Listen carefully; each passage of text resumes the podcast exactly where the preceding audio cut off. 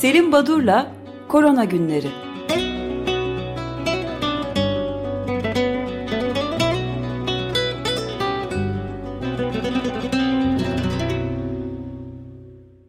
Günaydın Selim Badur, merhabalar. Günaydın, günaydın, hoş geldiniz. Günaydın. Günaydın Özdeş. Günaydın Biraz Derya. geciktiğimiz için özür dileriz. Ben- Ee, ben Çok önemli yoğun bir gündemde ekstra. Evet, evet, yani pek bir yorum yapmayayım ben e, hemen kendi konuma döneyim. E, dünyada küresel olarak e, bu sabah John Hopkins Üniversitesi'nin sitesinden e, aldığım bilgiyle e, 350 milyonu aştı. 351 milyona e, varmak üzere olgu sayısı. E, 5,5 5.6 milyon kadar da yaşamını yitiren kişi var. Şimdi geçen haftaki e, sayılardan çıkartıp 7'ye böldüğüm zaman günlük e, ortalama yeni Covid olgusu e, hatırlarsanız en fazla 800-900 bin bandında geziyordu. Bu hafta günde 3.3 milyon olgu eklenmiş listeye. E, bu çok büyük bir sayısal değer yani geçen yılın en yüksek değerinin iki mislinden fazla yeni olgu saptanıyor günde. Ancak bu konuda bir takım itirazlar var. Şimdi bugün üç konuya değinmeye çalışacağım. Ee, aslında söylemek istediğim bu üç örneği vererek e, hani 21. yüzyılda dünya bilim nereye geldi? Çok ilerledi. Teknoloji mükemmel. işte Ay'a gidiyoruz, Mars'a iniyoruz derken bir takım konularda örneğin böyle bir pandemiyle ilgili olarak e, nedenli çaresiz ve nedenli eksik olduğu e, gittikçe daha iyi anlaşılıyor. Hem e, yöneticilerin yönetim şekillerindeki çelişkiler hem de bilimin e, nerelere e, evrildiği ve e, asıl konularla, hayati konularla ilgilenmediği e, çok net olarak ortaya çıkıyor. Herhalde pandemiden sonra üzerinde düşünülmesi gereken önemli noktalar bunlar. Şimdi bir kere e, Amerika Birleşik Devletleri başta olmak üzere birçok ülkede başlık olarak şöyle tanımlayabiliriz. Bu ülkeler COVID ile mücadeleyi terk etmekteler. COVID ile yaşam, e, birlikte yaşama sloganlarını toplumlara empoze etmeye, bunu anlatmaya, e, bunu yerleştirmeye e, çalışmaktalar. Süreç onu gösteriyor şu son 10 günlük demeçler. Nereden görüyoruz bunu, nerede görüyoruz? Örneğin İngiltere'de Boris Johnson, işte İspanya'da e, Başbakan Pedro Sanchez'in ya da Fransa'da Sağlık Bakanı Olivier Véran'ın söylevleri hep e, bu virüsten yaşamaya alışmalıyız şeklinde. Tabii bu gerçek, bu yatsınmayacak bir gerçek ama siz politikalarınızı bu arada e, daha farklı yönetmeniz lazım e, diye düşünüyor insan. Çünkü e, omikron varyantıyla beraber yayılım gittikçe artıyor. İşte günde 3 milyondan fazla yeni olgu saptanıyor.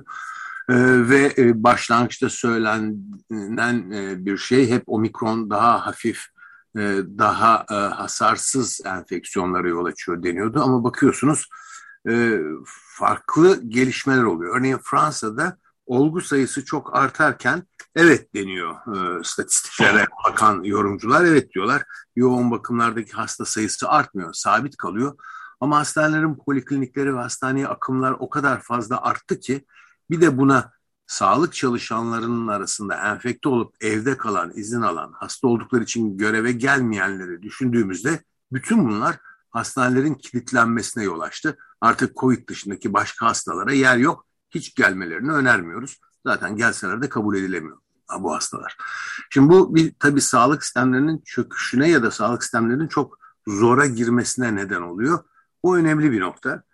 Ee, sadece e, bu değil yani. Sadece e, COVID ile yaşam tarzına değil. Örneğin e, bu artık bir endemik hastalık oldu. E, endemik hastalık toplumda var olan bir hastalıktır. E, biz bununla yaşamayı öğreneceğiz. Elbette bu aşamaya gelinecek ama daha o noktada değiliz. Çünkü endemik bir hastalık örneğin Türkiye'de diyelim kızamık endemik bir hastalıktır. Bu hastalık vardır ama bir salgın oluşturmaz. Yani normal seriyle her yıl belirli sayıda insanın kızamığa yakalandığı bilinir. Ama e, Covid öyle değil. E, bu endemik hale dönüşmüş değil çünkü olgu sayısı her gün artıyor. 3 milyondan fazla olgu görülmemişti şimdiye kadar. Böyle bir durum var. E, bu e,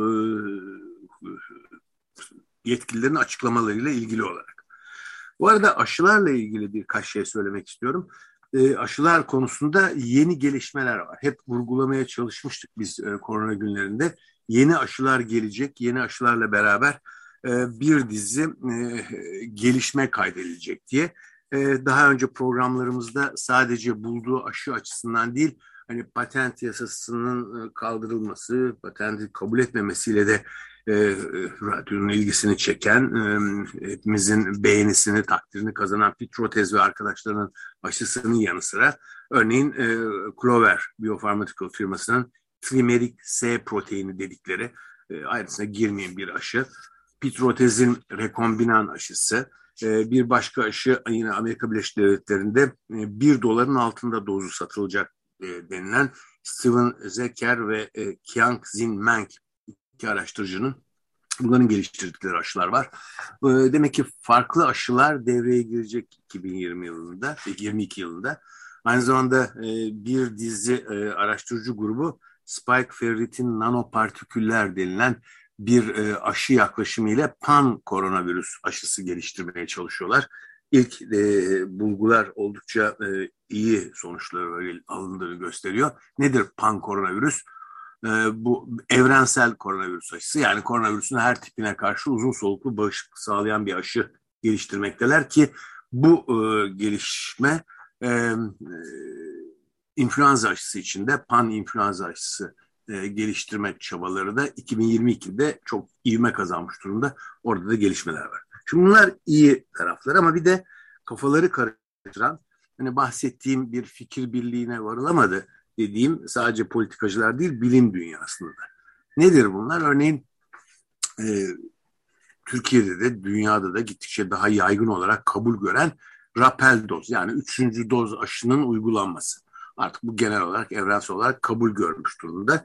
Özellikle omikron e, varyantı e, yapılan ilk iki doz hangi aşı olursa olsun ilk iki dozdan çok fazla etkilenmiyor. Ancak üçüncü doz omikrona karşı nötralizan e, savunma, bağışıklık e, sağlıyor deniyor idi. Deniyor idi ancak iki gün önce İsrail'den ki bu üçüncü ve dördüncü doz aşıları yaygın uygulayan ilk ülke İsrail'den bir takım e, haberler geldi. Bu haberler 19 Ocak itibariyle İsrail diyor ki biz yaptık kitleleri çok sayıda insana dördüncü doz ilave bir koruma sağlamıyor. Bu dördüncü doz gerekli değil dediler. Hemen akabinde bu daha da ilginç. Hani İsrail haberi e, bizim de çeşitli e, e haber sitelerimizde yer aldı ülkemizde. Ama benim göremediğim EMA yani e, European Medicine Agency Avrupa İlaç e, Merkezi diyeyim. E, bu merkez Amerika'da herkesin çok iyi bildiği FDA ile bu ilaç e, ve gıda e, kuruluşu, onlara onay veren kuruluş. Amerika'nın FDA'sine e, tekabül eden EMA Avrupa'da. Bu EMA'nın EMA kuruluşunun aşı stratejileri bölümü başkanı Marco Cavalleri'nin açıklaması. Marco Cavalleri diyor ki rapel doz bir kere tamam ama diyor ikinci kez rapel yani dördüncü defa COVID aşısı olmak bunu asla şu an için düşünmememiz lazım. Çünkü geri tepebilir dördüncü ve beşinci aşılar. Bunlar toleransa yol açıp ilk iki aşının azalmakta olan etkisini tamamen ortadan kaldırabilir. Şimdi bunlar çok kafa karıştırıcı bir belirli bir standartizasyonun olmadığını gösteren e, ve e, işi e, hani e, işin netlik kazanmasını e, engelleyen e, görüşler e, ve sıradan insanlar değil. Benzer evet, yani pardon şeyi soracağım e, bu rapelle ilgili olarak bu oldukça yeni bir farklı bir e, açıklama değil mi? Şöyle rapelle ilgili olarak hatırlarsanız eğer biz Ekim-Kasım aylarında bir Avrupa İmmünoloji Kongresi sonrası Oradaki iki e, konuşmacı e, bu kongreden sonra FDA'de görevli almışlardı. FDA'deki görevlerinden istifa ettiler. Evet. E, ediyorlar. Bu istifanın nedeni de aslında Amerika'da onay verilen kuruluş olan FDA'de yetkili konumdaki bu iki kişinin bu üçüncü doz uygulaması, rapel doz uygulaması bir saçmalıktır e, şeklinde itirazları üzerine görevlerinden ayrılmışlardı. İşin ilginç yanı bu e, görüşü savunan e, kişiler var ama bunlar hep e, kuramsal bir tartışma zemininde ilerliyordu. İsrail birdenbire e, ben dördüncü dozun çok etkili olmadığını saptadım bu omikrona karşı açıklaması yaptı. Bu ilginç, üzerinde durulması gereken bir nokta. Daha sonra EMA'dan bu haber geldi. Üçüncü dozun sadece riskli gruplara uygulanması gerektiğini e, söyleyen bizim de üzerinde durduğumuz bir kişi Peter Otez de bu hafta sonu bu tarz bir açıklama yaptı. Yani iş biraz karışmış vaziyette henüz e, bir netlik kazanılmamış ve bilim dünyasında da bir fikir bildiği e, oluşmamış e, görülüyor. Bu ilginç. Bir diğer nokta, önemli nokta genel anlamıyla baktığımızda e, Çin'in durumu Şimdi e, genel kanı bütün Batı e, dünyasında e, sadece Batı tıp dünyasında değil e, Batı kamuoyunda da hani Çin'den gelen haberlere pek güvenilmez gibidir. Bizim ülkemizde de var. Ama nereden bakarsanız bakın bir buçuk milyarlık bir ülke ve yüz bin civarında hasta işte on binin altında ölüm meydana geldi Çin'de Covid'den.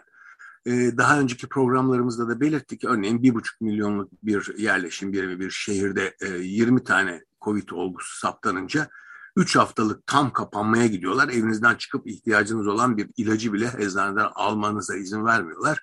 Ve bir buçuk milyonu eve gelip taramalar yaparak e, bütün e, enfekte bireyleri saplıyorlar. Öyle bir kaçak göçek olmuyor bu Çin'in uygulamasında. Çok sert e, çok radikal bir uygulama ancak bu şekilde sayıları bu kadar aşağıda tuttular. Şimdi ya e, şöyle değerlendiririz ya Çin'den gelen bu sayısal değerlere biz güvenmiyoruz.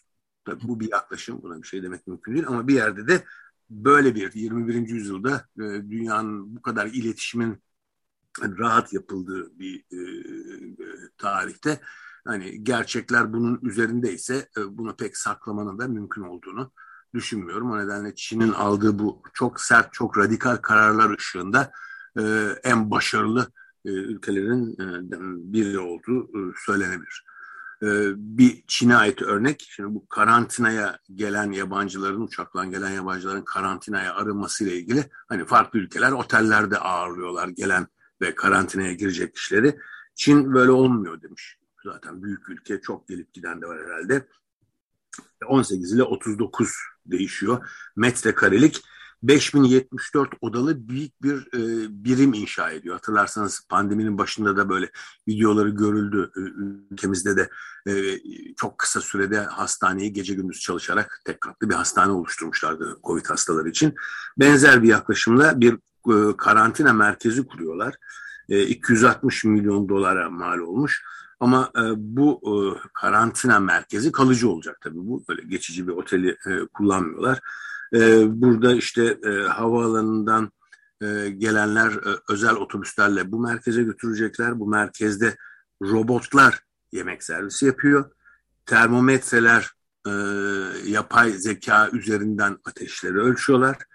E, kameralar e, eşliğinde e, e, konuşma yapılıyor idarecilerle e, ve böylelik 250 bin metrekarelik bir merkez. Yani e, bu tarz önlemler alıp bu tarz e, geniş boyutta e, önlemler e, sonucunda e, sayıları çok daha aşağıda Batı ülkelerine oranla çok daha aşağıda tutma imkanı buluyorlar. Bu önemli. Yani çok acayip bir şey gibi yani biraz böyle bilim kurgu gibi. Kesinlikle. 2022 diyelim buna da. Evet, Adını evet. bu bilim kurgu distopya kitabına. evet. E, bu arada programın başında söylediğim gibi hani batıda işler iyi gidiyor ama e, gibi görünüyor ama çok çelişkili bir takım açıklamalar ya da hani çok sık e, kısa sürelerle değişen kararlar var. Örneğin e, Fransa'ya baktığınız zaman Fransa bu e, Our World in Data isimli web sitesi ki e, e, herkes e, Türkiye'de ve yurt dışında e, aşılama oranlarını, aşılamanın nasıl gittiğini, her ülkede ne kadar aşı yapıldığını, tek doz, iki doz, işte üç doz bunları bu siteden e, izliyorlar, takip ediyorlar. Oldukça güvenilir. E, herkesin e, hani o veriler üzerinden konuşmalarında kullandığı verileri sağlayan e, bir e, site. Ancak bu sitede rakamlara baktığımız zaman örneğin Fransa 500 binin üzerinde görülüyor. Olgu sayısı çok fazla. O zaman en fazla e, salgın çok yaygın olarak Fransa'da var deniyor. İşte Almanya'da e, 112 bin, e, geçtiğimiz gün e, hafta sonuki rakamlar. Brezilya'da 137 bin. E, Avustralya'da e, oldukça fazla e, işte günlük rekor olgulara e, saptanıyor ama baktığımızda e, bu olgu sayıları gerçeği yansıtmıyor. Yani bütün bu 500 binin üzerinde Fransa'da saptanırken Almanya'da ya da İngiltere'de 100 bin civarında kalırken Fransa'da niye 5 misli olgu? E, daha fazla test yapıyorlar da onun için. O zaman e, işte milyonda ya da yüz bindeki kaç olgu olduğuna bakmak lazım. Şimdi öyle bakanlar var. E, bunu yapmadan düz sayıyı verenler var ve Fransa'da hastalık çok yaygındır diyenler var. Bütün bunlar henüz bir standartizasyona erişilmediğini gösteriyor ki aradan iki yıl geçti ve bunlar basit konular üzerinden çabucak e, hemfikir olunabilecek e, tek bir değerlendirme kriteriyle ilerlenebilecek e, olgular ama buna rağmen bu bir türlü gerçekleşmiyor. E, zorunlu aşı kararları var. Örneğin İtalya 50 yaşın üzerinde zorunlu uygulamaya soktu. E, ki 189 bin gibi bir yeni enfeksiyon bildirildi e, günlük olarak İtalya'dan. Yunanistan zorunlu aşıyı 60 yaş üzerine yazdı. Biden'ın tabii Amerika Birleşik Devletleri'nde Başkan Biden pandemiyi hem seçim öncesi kampanyasında hem de başkan olduktan sonraki ilk aylarda öncelik konusu ilan etmişti. ve aşı karşıtlarıyla mücadele edeceğini söylemişti ama aşı karşıtlığı sorununu üstesinden gelemedi bir türlü. 20 Ocak 2020'de 424 bin ölüm varken bir yıl sonra ölenlerin sayısı 850 bine çıktı Amerika'da. Yani az uz bir sayı değil. E, enfekte kişi sayısı da 24,5 milyondan 62,2 milyona çıktı. E, toplumun %67'si şu anda başkan e, pandemiyi idare edemiyor dedi. Hatırlayacaksınız e, Donald Trump'ın e, seçimi kaybetmesinde pandemi sürecinde söyledikleri, pandemiye yaklaşımı, aldığı önlemler, kararlar çok eleştirilmiş ve ona seçim kaybettirdi e, diye ya da seçim kaybettiren çeşitli nedenler arasında ön plandaydı pandemi e, yönetim biçimi. Biden daha da tırnak içinde beceriksiz çıktı şeklinde değerlendiriliyor. Toplumun yüzde 67'si iyi idare edemiyor diye başladı. Çok yüksek bir oran değil mi? Yüzde evet, çok, yani. çok, çok tabii. Ee, biraz önce söylediğim gibi işte artık e, biz yavaş yavaş e, beraber yaşamaya başlayacağız. Amerika Birleşik Devletleri'nde bu çok e, yaygınlaşıyor. New York valisi Eric Adams Omikron'a karşı savaşı kazandık açıklamasını yaptı ve kentte 4,5 milyon hızlı test dağıtıldı. Aslında bugün itibariyle hem hızlı test hem de N95 maskeleri 400 milyon kadar maske dağıtımına Amerika başlamış durumda. Bu yani kazandık dediği affedersiniz araya girdim. 900 bine yakın ölüyle kazanılmış evet, bir zafer evet, bahsediyor öyle mi? Bu kadar kayıp verdik ama e, kazandık şu anda e, galibiz falan diyor ama pek öyle göstermiyor gidişat.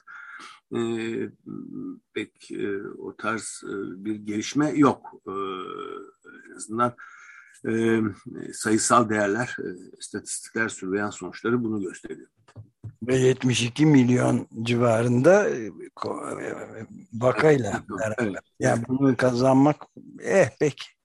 Değil mi? Hafta sonu Brüksel'de bir e, protesto e, gösterisi yapıldı. E, her hafta sonu Avrupa'nın başkentlerinde, büyük kentlerinde bu tarz toplantılar yapıyor ama bu hafta sonu Brüksel'de yapılan ilginçti. Çünkü e, polis kayıtlarına göre 50 bin civarında e, düzenleyici organizatörlere e, göre e, bunun 10 misli 500 bine kadar insan e, protestoya katıldı. Sadece Belçikalılar değil, Fransa'dan, Hollanda'dan, Almanya'dan, İngiltere'den de aşı karşılar ama şöyle birazcık e, ayrıntılı bakınca çok heterojen bir grup. Bir kere sloganları e, kapitalin Avrupa'sına karşı yaşasın enternasyonalizm ya da Soros'a hayır. Bu iki slogan çok yaygın. E, iki büyük kuruluş çağrı yaptı. Worldwide Demonstration ve European Union for Freedom. Avrupa'da işte özgürlük e, mücadelesi yapanların kuruluşları gibi. Kimler var? Şimdi e, bu Kod dedikleri ya da e, bizdeki HES koduna benzer bir kod uygulamasına karşı çıkan gruplar var. Fransa'dan gelen e, sarı yelekliler, lejon grupları var.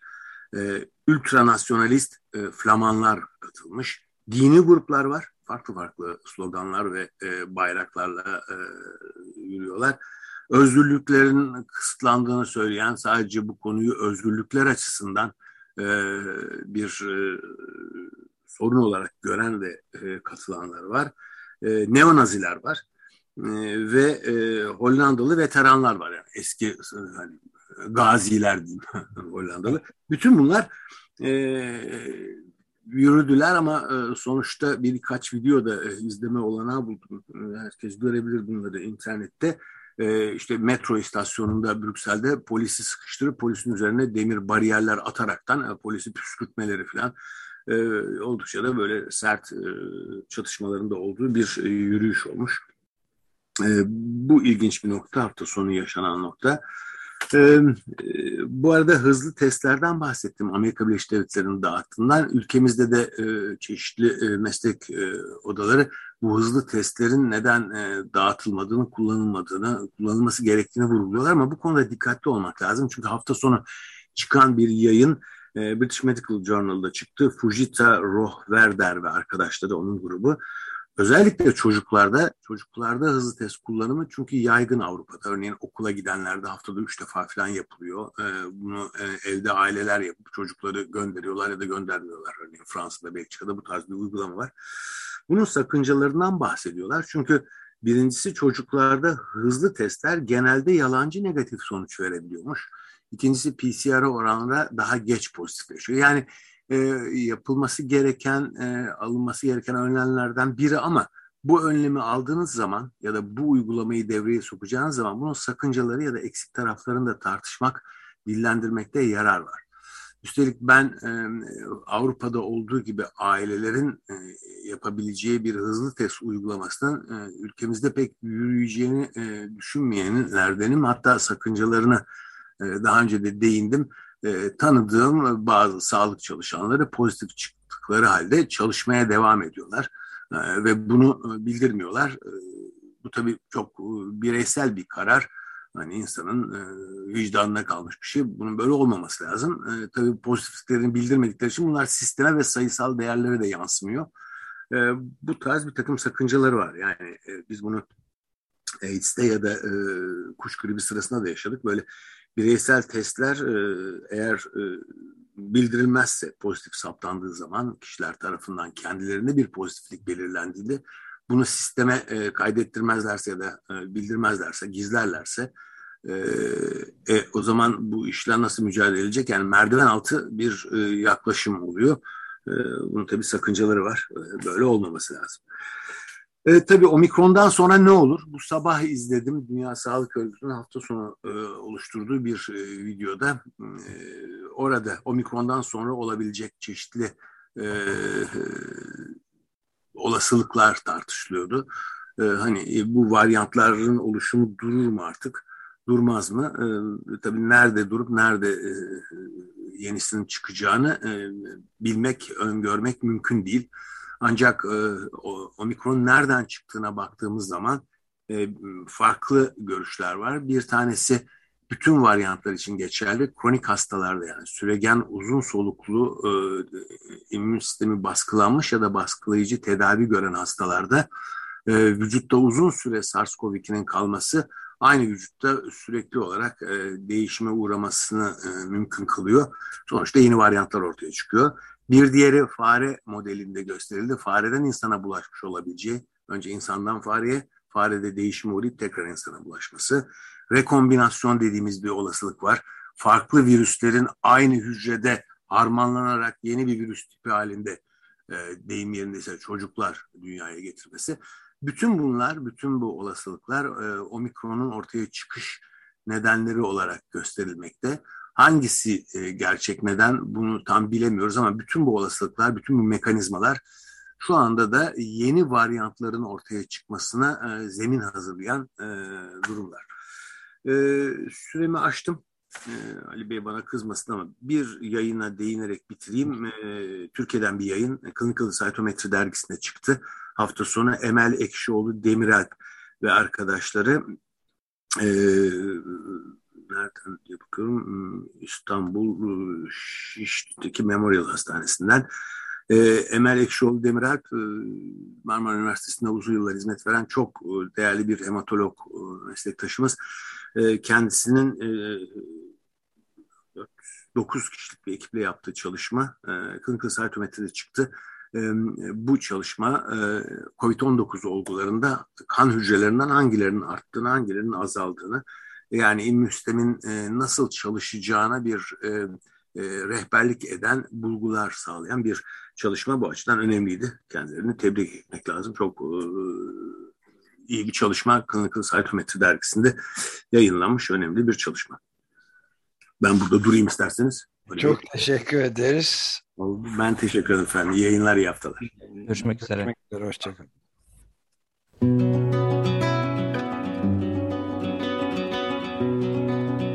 Selim Badur'la Korona Günleri.